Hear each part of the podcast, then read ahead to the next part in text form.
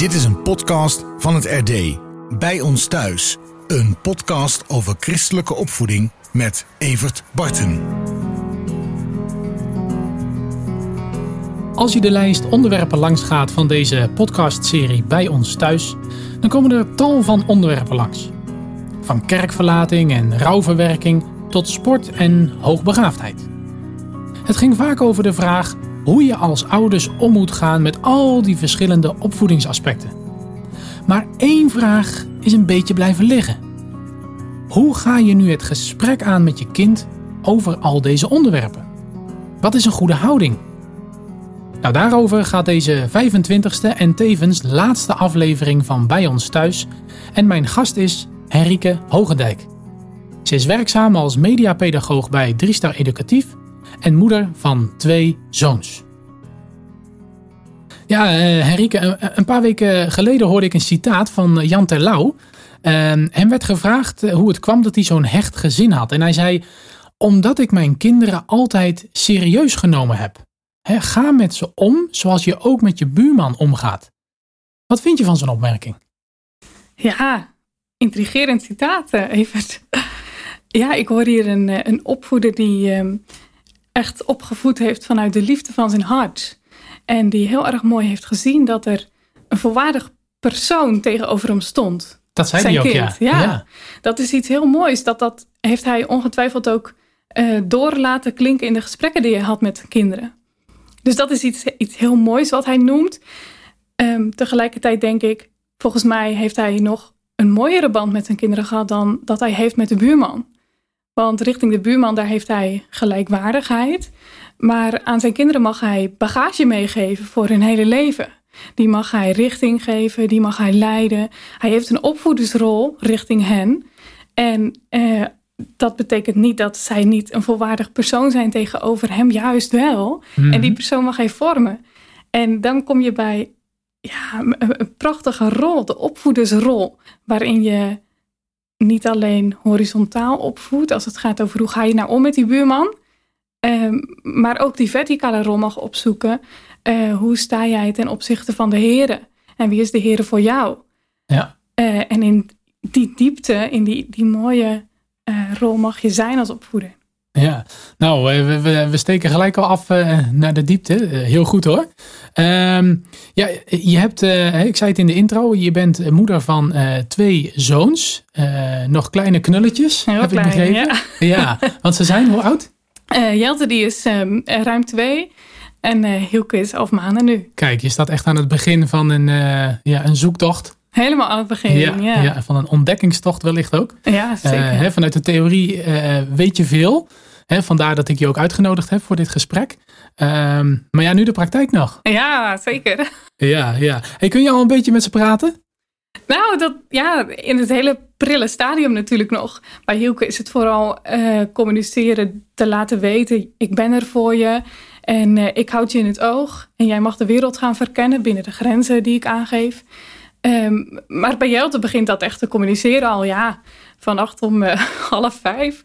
Toen zat hij klaar wakker in bed. Hij zegt, de vogels zijn wakker. Ik zeg, ja, jij bent ook wakker. Ja, ik wil naar buiten, zei hij. Buiten spelen. Oh ja. Nou, dan heb je natuurlijk al een begin van een gesprek. Ik zeg, ja, de vogels zijn al wel wakker, maar de mensen slapen nog. En dan zie je hem denken en dan zie je in het hoofdje van alles gebeuren. Ik zeg, ga maar lekker liggen. Knuffels bij je, lekker nog even je ogen dicht. En ja, je staat erbij en je kijkt ernaar. Zo'n jongen gaat de concepten van de wereld snappen. Wat zijn vogels, wat zijn mensen? Wanneer slapen we? Blijkbaar slapen die op een ander moment. Ja. Prachtig is dat. Mooi hè? Ja. Nou, hartelijk welkom eh, in eh, deze laatste aflevering van Bij ons thuis. Ja, hè, zoals gezegd, het is een podcast waarin we tal van onderwerpen bij de kop hebben gepakt. Je hebt er ook uh, veel geluisterd, heb ik begrepen. Ja. Dat is heel goed. Um, ja, en, en zoals uh, gezegd in de intro, hè, de, de vraag hoe je nu in gesprek gaat met je kind, hè, die, die is een beetje blijven liggen. Af en toe heb ik hem wel eventjes geraakt, gelukkig. Maar, maar soms bleef hij ook liggen. En ja, dan, dan gaat het natuurlijk ook over gesprekken die het, ja, die het alledaagse als het ware overstijgen. Hè? Dus, dus wat je net al zei, het gaat over vorming. En uh, nou, laten we die hoe-vragen nou maar eens bij de kop pakken. En aan jou de schone taak om uh, ons daarin te helpen? Nou, dat ga ik proberen. maar ik vind het vooral heel erg mooi dat je deze serie podcast afsluit met toch wel dat fundament onder de opvoeding. Ja. Gesprek, ja. ja, precies. Nou ja, we gaan hem er, we gaan hem er als een paraplu als het ware overheen proberen te leggen. Hey, ehm, ze zeggen wel eens communiceren is het moeilijkste wat er is. ja, geldt dat ook voor het praten met je kinderen? Nou ja, ik, ik hoor eigenlijk al twee ehm, aparte dingen eigenlijk. Communiceren en praten. En misschien is het goed om, om meteen dat even duidelijk te hebben. Van wat verstaan we daar nou onder? Uh, bij communiceren gaat het, uh, het, over het geheel van het overbrengen van een boodschap. Dus dat gaat ook via mimiek en mhm. via lichaamstaal. En daar hoeft niet altijd taal bij te komen. En als we het hebben over dat gesprek, dan, dan noemen we vaak wel, dan hebben we het vaak wel over die talige kant ervan.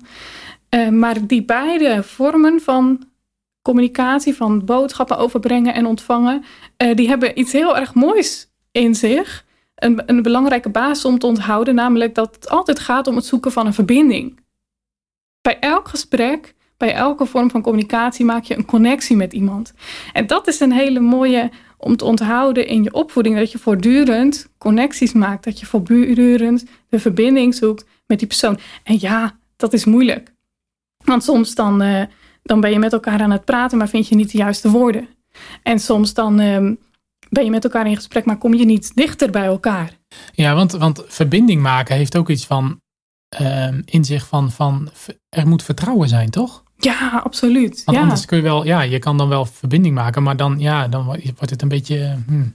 Ja, en het mooie is dat je, dat je door dat gesprek bouwt aan dat vertrouwen, maar dat dat uh, gesprek ook weer kan bouwen op wat er gelegd is aan basis. Weer kan verder bouwen op wat er aan vertrouwen is inmiddels. Ja, hey, en als het gaat om communiceren, hè, ja, is dat te leren? Ja, tot op zekere hoogte wel. Kijk, er zijn natuurlijk verschillen. Er zijn opvoeders die erg talig zijn, die erg graag spreken en goed kunnen praten. En er zijn opvoeders die zeggen: Ik ben veel beter in het doen. En praten is niet mijn sterkste kant.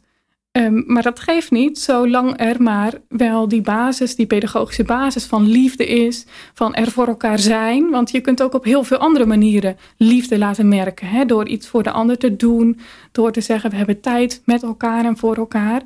Um, maar ik denk dat het wel goed is voor elke opvoeder om te blijven oefenen in dat gesprek. Omdat dat gesprek um, de opvoeding verder brengt. Omdat je de dingen kunt bespreken. En het zeggen van ik houd van jou, dat kan iets heel bijzonders uitwerken bij je kind. Um, maar nog verder, je kunt jezelf ook technieken eigen maken in hoe je moeilijke thema's kunt um, bespreken. Door jezelf te oefenen in, in open vragen stellen bijvoorbeeld. Uh, waarom vind je dit zo mooi? Wat ga je ermee doen? Vertel eens even, hoe werkt dit precies? En Tegelijkertijd mogen het ook weer geen trucjes worden, hè? Nee, geen trucjes, nee. Maar je kunt je, je um, aantal vragen wel uitbreiden op die manier. Want als je gewend bent om steeds uh, gesloten vragen te stellen van... Uh, was het leuk op school? Ja. Uh, hè, dan, dan, dan, hmm. blijft dat gesprek ook behoorlijk aan de oppervlakte.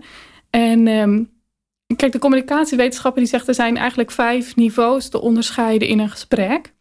En dat geeft wel een beetje inzicht daarin.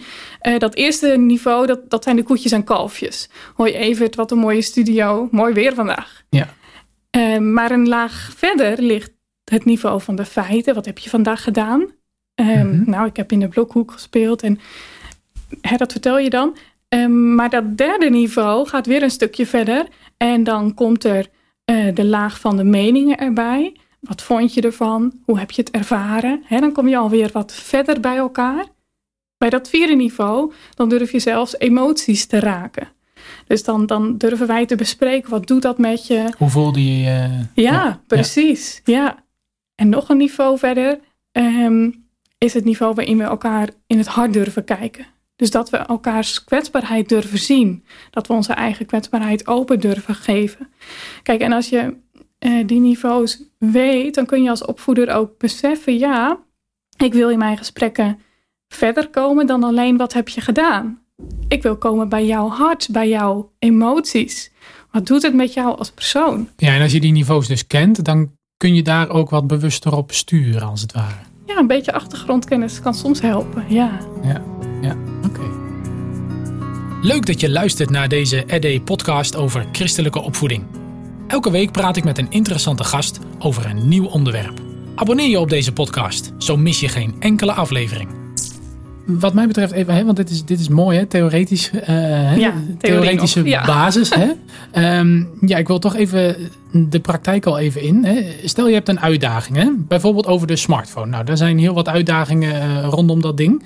En je staat als opvoeder lijnrecht tegenover je kind van pakweg 14, 15 jaar. Want dat kind wil de app TikTok en jij wilt het absoluut niet. Hoe ga je zo'n gesprek aan? Ja, herkenbaar scenario. Um, ja, ik heb hem niet voor niks over uh, bedacht. ja, ja, ja, handig hè? Nou, ik, moest, uh, ik moet eigenlijk denken aan een uitspraak van Salomo, die hier heel erg veel richtingen kan geven. Salomo zegt in uh, Spreuken 18, vers 13 geloof ik, um, die antwoord geeft, eer hij gehoord zal hebben, dat is hem dwaasheid en schande. En Jacobus zegt iets dergelijks in het eerste hoofdstuk. Um, die zegt, um, haast je om te luisteren en wees traag om te spreken.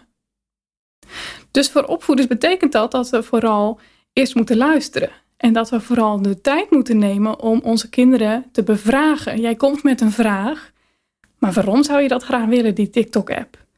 En uh, wat kun je ermee doen? Wat is jouw doel met het gebruiken ervan?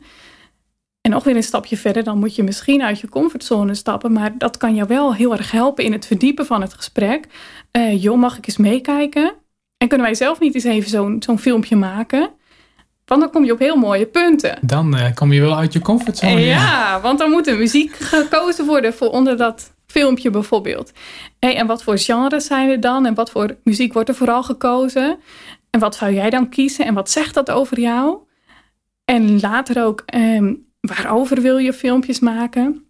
En wat wil je daarmee laten zien? En zo ga je steeds een laag verder en kom je uiteindelijk ook bij de vraag: um, maar um, is het een Bijbels doel waarmee je deze app wilt gebruiken? En helpt deze app jou ook om je christen zijn uit te dragen?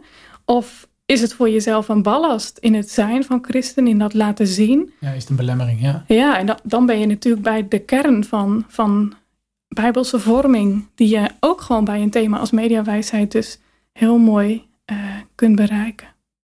Hey, er zijn uh, ja, tal van onderwerpen die, uh, ja, die lastig zijn om, om open met elkaar te bespreken. Uh, neem bijvoorbeeld seksualiteit, waar we het over gehad hebben in deze serie, of rouwverwerking. Ja, dat ga je niet zomaar op een achternamiddag eventjes be bespreken met elkaar. Hè? En mijn vraag is, hoe zoek je dan, en, en dan zonder opdringerig te zijn, toch goed contact met je kind? En, en ja, ik heb wel eens gelezen dat timing ook heel belangrijk is. Klopt dat? Ja, ja zeker. Um, als ik nog even Salomo mag aanhalen, nog een keer in, in Prediker, Prediker 8 dit keer, um, daar zegt hij: Een ieder voornemen heeft tijd en wijze. Uh, terwijl het kwaad des mensen veel is over hen. En daarmee zegt hij: Er zijn al zoveel moeilijkheden in deze wereld. Um, dus wees als opvoeder heel doordacht. Denk goed na over de dingen, wanneer je ze doet en hoe je ze doet.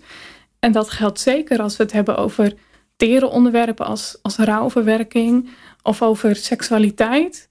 Um, ja, daar moeten we goed over nadenken wanneer we dat doen en hoe we dat doen. Maar vooral ook heel erg goed kijken naar die andere persoon, naar die, um, naar die jongeren of dat kind voor je, want zij hebben hun eigen behoeften. Precies, ik wilde het net zeggen. Dus inderdaad vooral tasten en kijken van waar ligt de behoefte van de ander. Ja, bij rouwverwerking bijvoorbeeld, dan kan ik me goed voorstellen dat er in een gezin kinderen zijn die er juist heel veel over willen spreken. En dan is dat goed om daar de ruimte voor te geven op heel gewone momenten op de dag. Dat je na het kleuren van een kleurplaat zegt tegen een kind: Weet je nog wat jouw kleine zusje altijd zei als je een kleurplaat had gemaakt? of dat je tegen een puber uh, zoon zegt: uh, Joh, zoals jij dat nu zo staat te doen, dat doet me zoveel denken aan je vader. Mis jij hem ook zo? En op welke momenten? Dan heb je tijdens de gewone dagelijkse dingen een heel mooi aangrijpingspunt om erover te spreken. Um, bij andere kinderen kan het veel meer nodig zijn om um, dat te doseren en op een moment te doen waarop je één op één bent met het kind. Dus aan, bij het eindigen van de dag bijvoorbeeld, of dat je, dat je samen aan het bakken bent in de keuken. Ehm, ja, dan, dan geef je zo'n kind wat meer ruimte. En bij pubers, ehm, dan zou ik zeggen, uh, zorg dat er heel erg veel gelegenheid is voor die gesprekken. Want pubers zijn er niet altijd voor in de stemming. Uh, maar sta vooraan om, om taxi te zijn voor je kinderen als ze naar verjaardagen moeten. Uh, want in de auto, dat is zo'n natuurlijke setting. Hè? Ja. Je, je zit naast elkaar, je hoeft elkaar niet voortdurend aan te kijken. Meestal werkt het het beste om iets te doen of ergens mee bezig te zijn en een goed gesprek te hebben met kinderen en jongeren. Dan zijn er natuurlijk ook uh, uh, ja, de zogeheten binnenvetters, die Hmm. soms even een duwtje nodig hebben. Hè? Hoe, hoe, hoe doe je dat? Ja, zo'n duwtje, dat, dat mag je ook best een beetje voorbereiden als, als opvoeders. Dus dat je ehm, denkt, nou vanavond dan ehm, gaan wij uh, eens rond het kampvuur zitten. Als vader en als zoon.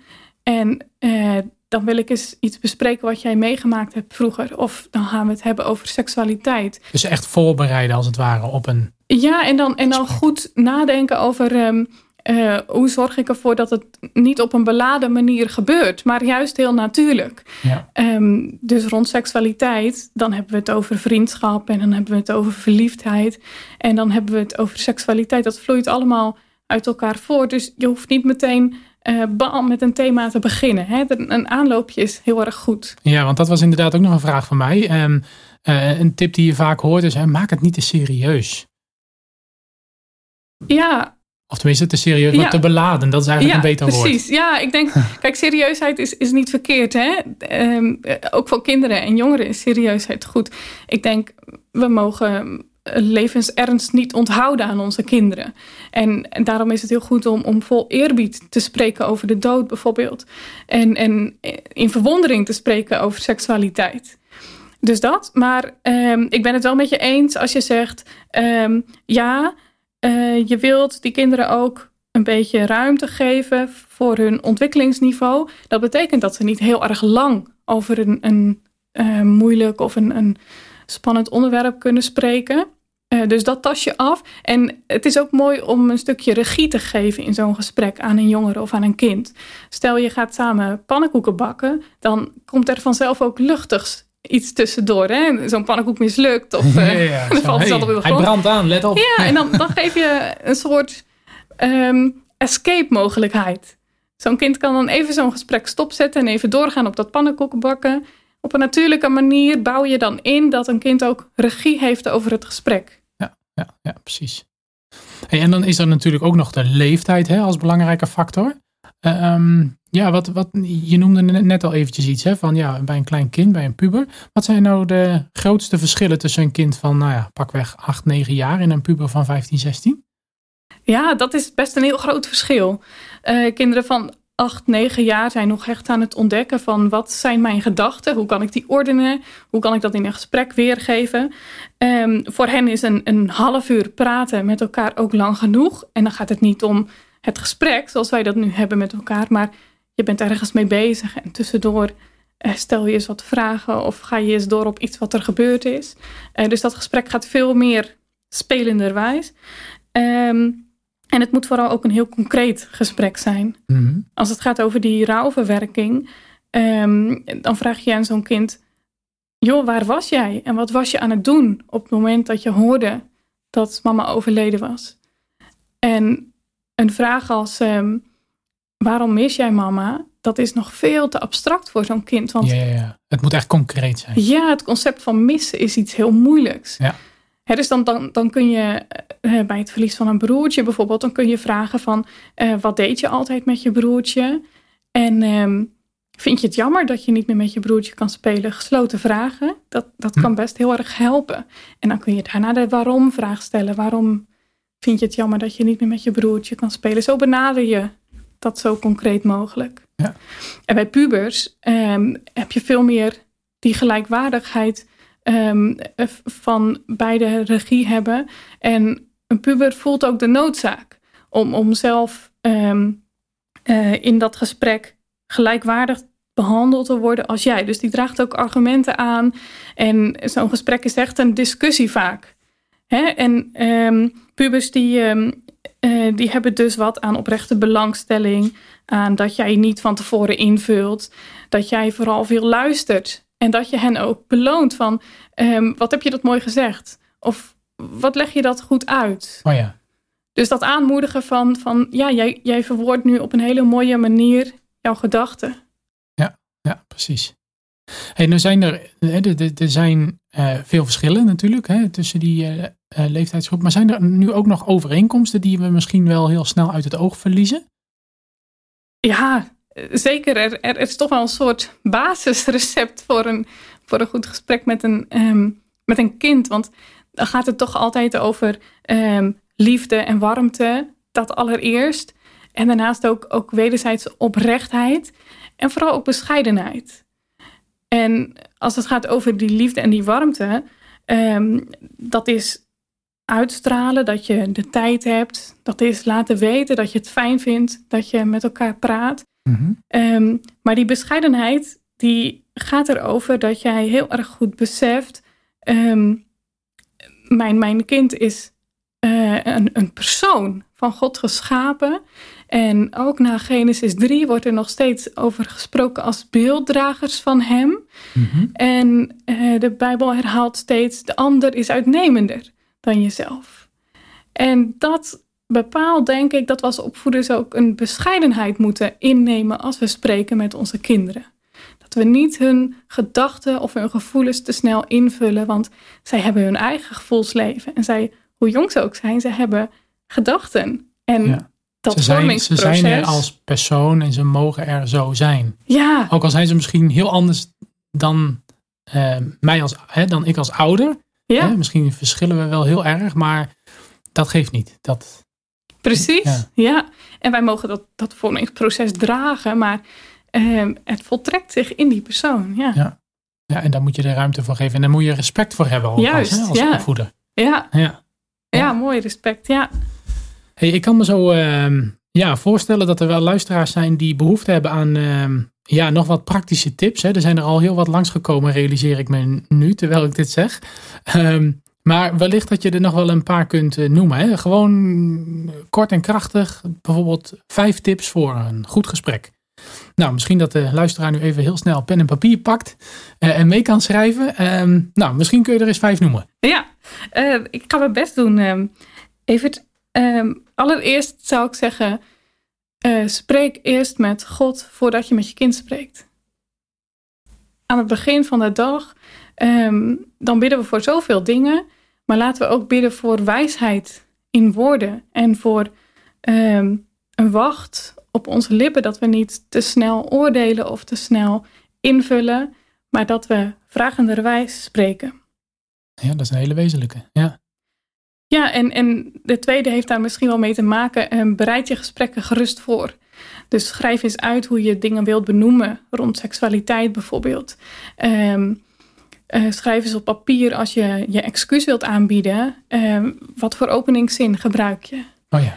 En bij een, um, een, een, lastig thema, lijn maar eens uit hoe je dit kunt argumenteren, beargumenteren en uitleggen aan een kind. Voorbereiding. Um, het derde is, probeer in, in gesprekken steeds de verbinding te maken naar de Bijbel door bijbelse waarden te noemen of bijbelteksten te noemen. Uh, want dan, dan geef je een kind um, inzicht in, kijk, alles in deze wereld heeft te maken met, um, met, met de laag dat wij altijd beseffen dat de Heer meekijkt in ons leven en dat Hij ook steeds alles in ons leven als belangrijkste vraagt te zijn. Mm -hmm. um, en dat, dat kun je heel concreet maken bij een, een leerling van groep 6 bijvoorbeeld. Door te zeggen, kijk, we dragen tweedehands kleding, want we willen rentmeesterschap laten zien. En we denken aan um, zoveel misstanden in de kledingindustrie. Maar ook iets als op zaterdagavond, um, als we chips eten, wees matig en pak één handje chips. Hè, elkaar gunnen. Zelfbeheersing is dan een belangrijke, waar de Bijbel over zegt. Die zichzelf beheerst is sterker dan die een stad inneemt. Dat, dat is Ja. nogal wat. Ja, die verbinding, hè? Die, Die concrete verbindingen. verbindingen, vooral. Ja. Ja, bij heel gewone situaties. Ja. En het vierde, spreken is luisteren. Dat is best heel moeilijk, blijkt in de praktijk. Ja. Vind ik zelf ook.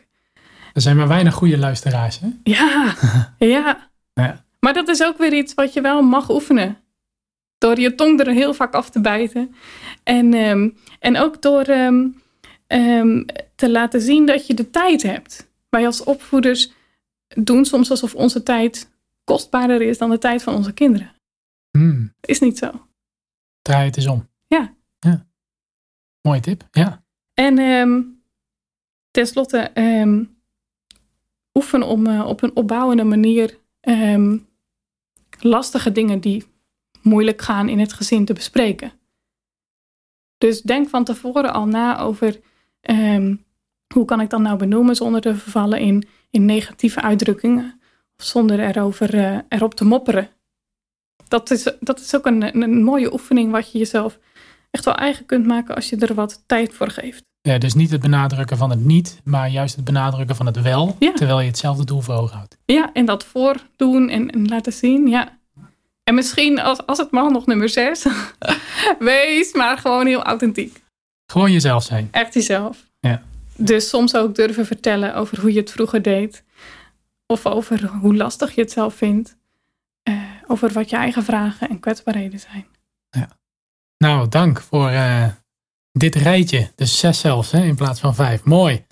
Hey, zit er trouwens eh, nog verschil tussen de benadering ehm, eh, van jongens en meiden?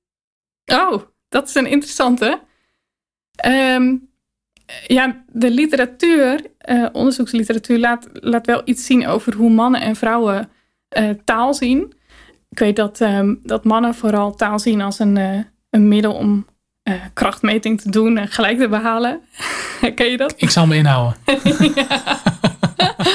En voor vrouwen is het veel meer een, een middel om te verbinden, om, om nieuwe connecties te maken. Ehm, en vrouwen gebruiken daarom vaak ook wat lievere woorden en eh, ze drukken zich wat expressiever uit. Terwijl mannen veel meer eh, to the point komen en doorpakken, stelliger zijn. Argumenten gebruiken. Juist, ja. Maar of dat nou ook echt gevolgen heeft voor de opvoedpraktijk. Je kunt een dun lijntje trekken. Je zou kunnen zeggen, eh, bij jongens mag je eerder to the point komen. En ehm, eh, gaat het over wat levert dit gesprek op? En wat is onze oplossing? Hoe gaan we ermee om? Een jongen wil daarin ook gewaardeerd worden, dat hij daarin mag meedenken. Eh, terwijl een meisje vooral ook het ehm, proces van het gesprek waardeert. Ja. Ik waardeer het dat je oog hebt voor mij. Dat je empathie toont voor mijn situatie. En ehm, dan gaat het niet zozeer om de oplossing, maar meer om dat proces. Ja. Maar als ik om me heen vraag, dan, dan hoor ik dat het vooral per persoon. Opvoeding is maatwerk. En dan komt het niet zozeer op jongens of meiden, maar echt op karakter aan. Hoe je een gesprek ingaat.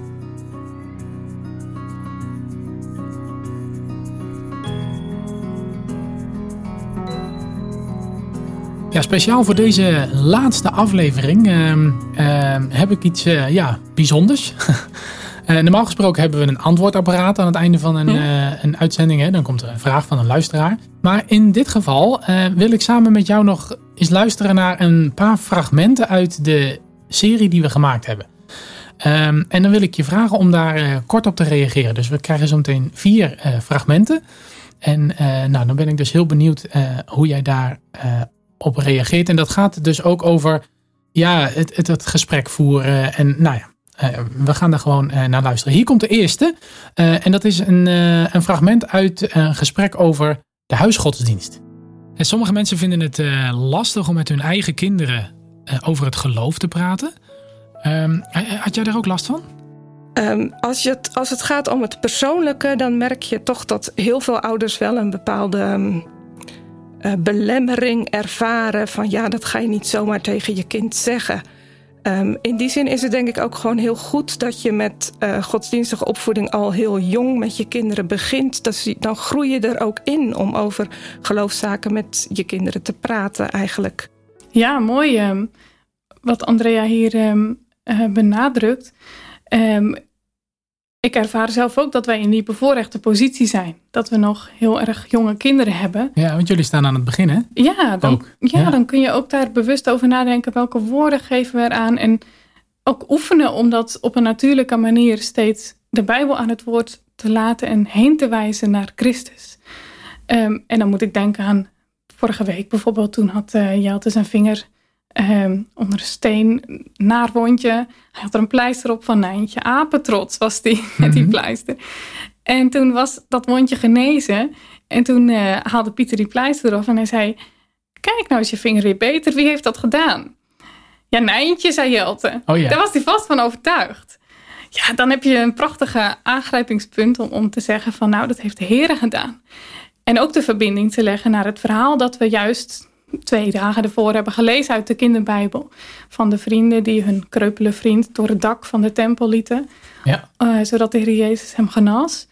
Um, dus dan, dan oefen je daarmee en dan kun je ook reflecteren van... Um, oh, eigenlijk had ik dit ook mee kunnen nemen en ik had het praktisch kunnen maken met een gezinsmoment. Dat vond ik heel mooi dat Andrea dat uh, in haar podcast steeds benadrukte.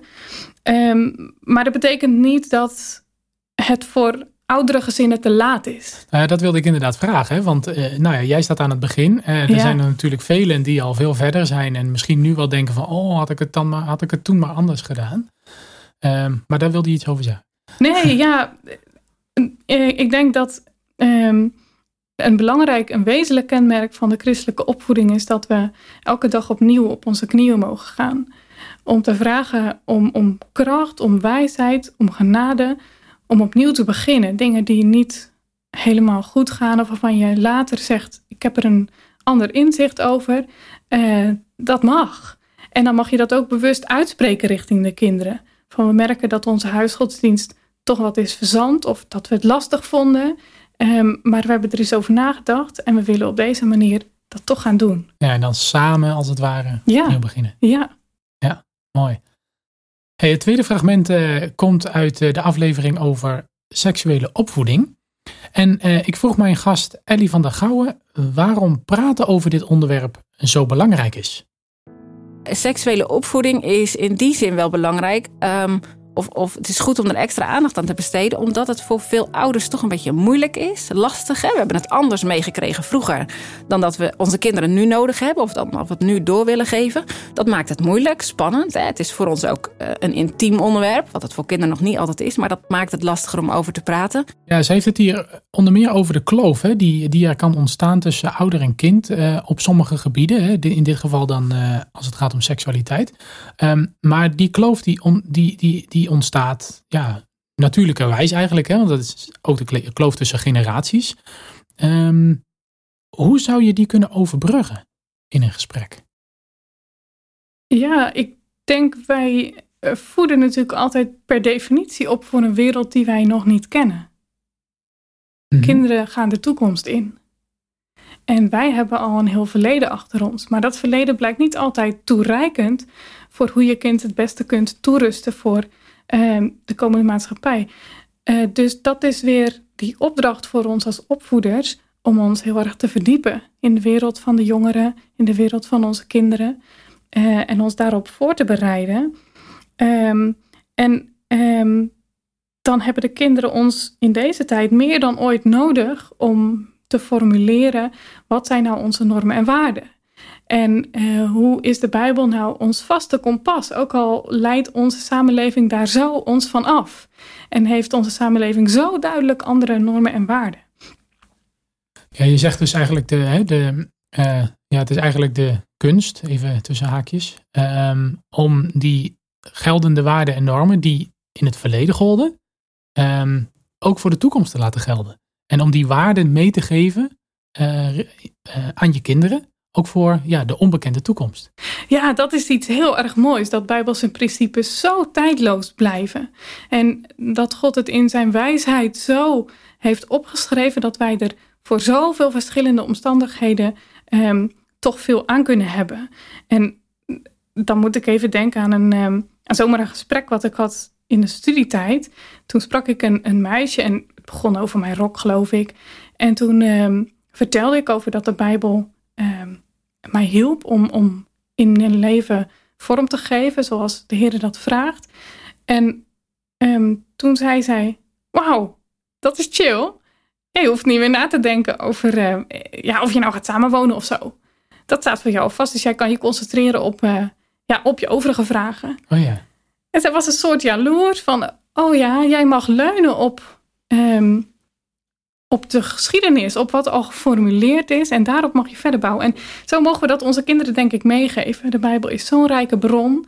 En ehm, daar mogen we op verder gaan. Ja, dat is, een, dat is een totaal andere benadering dan van dit mag wel en dat mag niet. Hè? Ja, Het is juist inderdaad eh, het benadrukken van de rijkdom. En eigenlijk ook van, ja, eh, dat, je, dat het een voorrecht is om, om die basis te hebben. nou dat, ja. En vanuit dat voorrecht denk ik ook dat we ehm, altijd moeten spreken over die onderwerpen. Juist ook seksualiteit. En in mijn leven heb ik nooit iemand gehoord die gezegd heeft: ehm, Ik vond het zo moeilijk dat mijn ouders eh, het lastig vonden om uit hun woorden te komen bij een onderwerp als seksualiteit. Maar ik heb wel mensen gehoord die, die zeiden: Ik vind het erg dat mijn ouders er nooit over gesproken hebben. Precies. Over rouwverwerking of over homoseksualiteit of over, nou ja, een, een zo'n moeilijk thema. Ja, dan gaat het dus niet per se om hoe je erover spreekt. Ja, dat is ook nog wel hè, met alles wat er al gezegd is hè, in deze podcast. Ehm, maar met name dat je erover spreekt. Ja, heel belangrijk. Hey, in de aflevering over uiterlijk en verzorging ehm, kregen we het even over het naveltruitje. Nou, dat was even een, een voorbeeld hoor. Ehm, maar eh, ja, stel dat die in de mode is en je kind komt ermee thuis. Nou je kent eh, eh, de situatie wellicht, althans, die kun je je voorstellen. En hoe reageer je dan? Dat was mijn vraag. En Femke Hagoort, mijn gast in die aflevering, die zei er dit over. Ja, dan zou ik toch ook wat meer eh, verder het gesprek aangaan. Hè? Dus vragen, oké, en, eh, en wat vind je zo mooi aan de, aan de naveltrui? En eh, wat spreek je daar zo in aan dan? En daarop doorborduren van... ehm, eh, ja, ook de reden waarom we ooit kleding zijn gaan dragen natuurlijk. Hè? Dat is een, ja, eigenlijk een vrij verdrietige reden. Ja, nee, klopt. dus, hè. Dan eh, kom je in Genesis 3 natuurlijk. Ja, Tegelijkertijd, ja. hoor ik mijn dochter al zeggen van ja, pa, dat weet ik nog ondertussen wel. Ja, dit is een prachtig voorbeeld van eh, hoe je zo'n jongere in dat gesprek aanmoedigt tot zelfevaluatie. Dat wil je bereiken, zeker bij eh, zo'n meisje van, van 14, geloof ik. Ehm, eh, die, naveltrui, ehm, welk beeld wil je van jezelf geven? En eh, hoe zit dat met jouw verantwoordelijkheid dan? Richting eh, jongens en richting jezelf. Ehm, jouw eigen gekregen lichaam. Ben je trouw dan aan je lichaam, aan je intimiteit? En ook ehm, die tekst hè, van eh, dat ons lichaam een heilige ge- of een, een tempel moet zijn van de Heilige Geest. Ben je daar trouw aan? En ook de vraag, ehm, ja, hoe consistent ben jij? Doe jij dit truitje ook aan als jij op sollicitatiegesprek gaat? Mhm. Of als jij naar de kerk gaat? Dus je zet ze als het ware dan voor een spiegel. Zo van kijk eens naar jezelf en nou ja, Ja. hè? wat En zie je dat- dan? Wat Ja, je dat dan? zo'n persoon ook echt bewust gaat nadenken over zichzelf. En, en bewust wordt, oh ja, ik ben een persoon in wording. En dat betekent dat ik in een vreselijk lastig proces staat van wat zijn mijn normen en mijn waarden. Maar daar help je dan een stukje verder mee, hopelijk als opvoeder.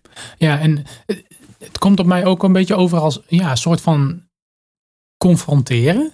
En je confronteert je kind met zijn of haar gedrag. Hè, dat moet altijd natuurlijk wel in een, in een bepaalde setting, maar mag dat soms ook een scherp kantje hebben? Ja, dat denk ik wel een beetje. Zeker in de puberteit. Kijk, als je praat met pubers, dan, ehm, eh, dan gebeurt er iets heel moois. Want ehm, die pubers die hebben geen sociaal wenselijk gedrag meer richting jou als opvoeder. Nee. Eh, dat is Dat even klopt. helemaal weg. ja, Ik ben al iets verder dan jij, hè? Ja, maar je hebt ja, inderdaad eh, een paar pu- pubers thuis. Ja, exact. Ehm, eh, maar goed, er is ook een hoop, hè? Want na die puberteit dan, dan is de relatie met je kinderen vaak beter dan ooit. Eh, dus in die Nog puberteit. beter, nog ja, beter, ja, ja, ja. ja. Dus in die puberteit gebeurt iets moois. Je, je houdt ze soms een heel scherpe spiegel voor, eh, zodat ze tot zichzelf inkeren en, en denken van, ja, daar heeft hij wel een punt. Of dat ze besluiten, ja, maar deze waarde is het niet voor mij. En dan zijn ze ook weer een stap verder in hun eh, ontwikkeling. En dan kun je daar weer over verder praten. Ja, en als opvoeder moet je niet verwachten dat ze dat tegen je zeggen, hè? Nee, dat krijg je later terug, hopelijk. Ja, precies. Ja. Ja. Hey, laatste fragment uh, uh, wat mij betreft. Um, uh, die komt uit aflevering 20. Dat ging over games. En ja, daarin kregen mijn gast Jan Post en ik het even over de vraag hoe ver je mee moet gaan in de interesses van je kind. Um, een klein stukje hierover. Als je het heel simpel wil zeggen, toon interesse. en, en, en, als, en als, als we dat wat meer over zeggen, ja, ga er maar eens concreet naast zitten. En en, en, en kijk en luister eens wat er gebeurt. Dus, dus dat betekent gewoon heel concreet niet gelijk iets zeggen en zeker niet wat je ervan vindt. Geen oordeel geven. Zeker niet aan het begin. Nee. Nee, dat klinkt natuurlijk vrij hard, want laten we eerlijk zijn, in ieder opvoeders hart zit natuurlijk uh, de beschermingsdrang, uh, het gelijk het willen duiden en ook het gevaar willen benoemen, omdat we onze jongeren en, en degene die games gewoon lief hebben. Ja, ik vind het mooi wat hij, wat hij zegt. Dat opvoeden is echt hard werken, hè? Want je hebt je eigen idealen als opvoeders. Je wilt inderdaad heel graag dat kind beschermen. En ik denk zeker ook vanuit het besef um, dat je kind een ziel heeft. hebt. En um, ik denk dat dat ook het belangrijkste is, dat we voortdurend de ziel van onze kinderen op het oog hebben. Maar dat betekent dat jij als opvoeder dus huiswerk hebt. En dat je soms um, je eigen uh, wensen even opzij moet zetten. Dat je denkt, ik had zo graag vanavond even met een boek op de bank gezeten. Uh, maar dat je juist naast dat kind moet gaan zitten om mee te kijken op het scherm. Om dat, om dat gesprek een veel diepere laag te geven. Ja. Of om, om, om gewoon eens even naar je kind te kijken terwijl hij aan het gamen is. Observeer maar eens. Wat zie je dan? Hoe krampachtig zit hij? Of um, uh, hoe ingespannen is hij bezig? En geef dat eens terug. Joh, ik zie dat. Wat, wat doet het met je hartslag, joh? Ja, ja. Ja, en, en uh, als je zelf naast zo iemand zit, dan, dan zul je ontdekken dat je gaandeweg het spel ook um, tot inhoudelijkere punten komt. Dat je merkt dat je gaat reflecteren op wat je ziet en dat je denkt: Ik vind het wel heel erg moeilijk dat ik hier op dit scherm um, zoveel geweld zie, terwijl ik um, in huis voortdurend uh, dat we voortdurend zoeken naar hoe kunnen we het goed hebben met elkaar. Dat botst in mij. Ja, dus de harmonie aan de ene kant. Hebben we trouwens ook nog over gehad hè, in een van de afleveringen. Hè, sfeer in huis, harmonie. Ja. En aan de andere kant, ja, inderdaad, dat, nou ja, wat er op het scherm gebeurt. En dat contrasteert met elkaar. Ja, en dan, dan kom je ook weer bij wezenlijke vragen uit. Van waarom uh, willen we zo graag breken in, in, in games? Hm. En, en zijn er dan ook games waarin je kunt bouwen? En dan kom je uiteindelijk weer um, bij weer die vraag van trekt het jouw hart nou af van God of wordt het er juist op gericht? En, en ja, dan, dan blijkt opnieuw hoe het spreken over zo'n dagelijks thema als, als media um, toch ineens een gouden vormingsmoment kan blijken te zijn. Mooi. Dank uh, voor uh, uh, je reacties op deze fragmenten, maar ook um, voor alle praktische lessen. En je noemde net al, uh, hè, opvoeden is hard werken. Um, je hebt ons veel huiswerk gegeven. Um, nogmaals, uh, dank daarvoor. En ik hoop dat we er, ons, ja, er allemaal ons voordeel mee kunnen doen. En uiteraard in afhankelijkheid van de zegen van God. Ja, en als je kinderen straks wat groter zijn, dan mag je het allemaal zelf in praktijk gaan brengen. Ja, nou ja, ik, ik moet nog denken aan die laatste zin van jou van in afwachting van de zegen van de Heer. En eh, dat is wel iets moeilijks in de opvoeding. Hè? We willen zo graag het zelf doen. En je merkt eigenlijk dat er voortdurend een soort strijd in je gaande is ook. Hè? Satan wil zo graag je hart hebben als opvoeder. Want als hij jouw hart heeft, dan, dan is het ook veel makkelijker om de harten van je kinderen in te nemen. Um, maar de pedagoog ter zegt heel erg mooi: je voet op om jezelf overbodig te maken door voortdurend van je weg te wijzen. Naar de wereld om je heen, naar de ander om je heen, maar ook naar die ander met een hoofdletter. Um, naar God. En daar mag je de harten van je kinderen, um, dat mag je na aan de harten van je kinderen leggen. Dat dat uiteindelijk de hoop is van onze christelijke opvoeding. We zingen, uh, ga je evenwel, gij blijft dezelfde, o heren. En dan moeten we ook weten dat de arm van de Heer niet verkort is. Dus dat hij doorgaat met zijn werk, ondanks onze opvoeding. Nou, dat lijkt me een, uh, een mooie en waardige afsluiting van uh, deze serie. Hartelijk dank. En ja, daarmee uh, uh, is deze serie over christelijke opvoeding aan een eind gekomen.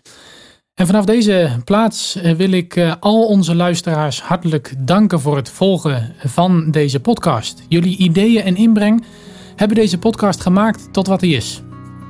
Ja, zelf heb ik erg genoten van de gesprekken die, uh, die gevoerd zijn. En de reacties ook die bij jullie loskwamen. En ja, het trof me toch wel hoe persoonlijk deze soms waren. En veel dank daarvoor. Uiteraard zijn alle afleveringen terug te luisteren via rd.nl slash bij ons thuis of via je favoriete podcast app. En heb je een goed idee voor een nieuwe RD-podcast? Laat het ons weten via podcastapenstaatje-rd.nl. Voor nu wens ik je alle goeds toe, persoonlijk, in het gezin en in de opvoeding. Dag.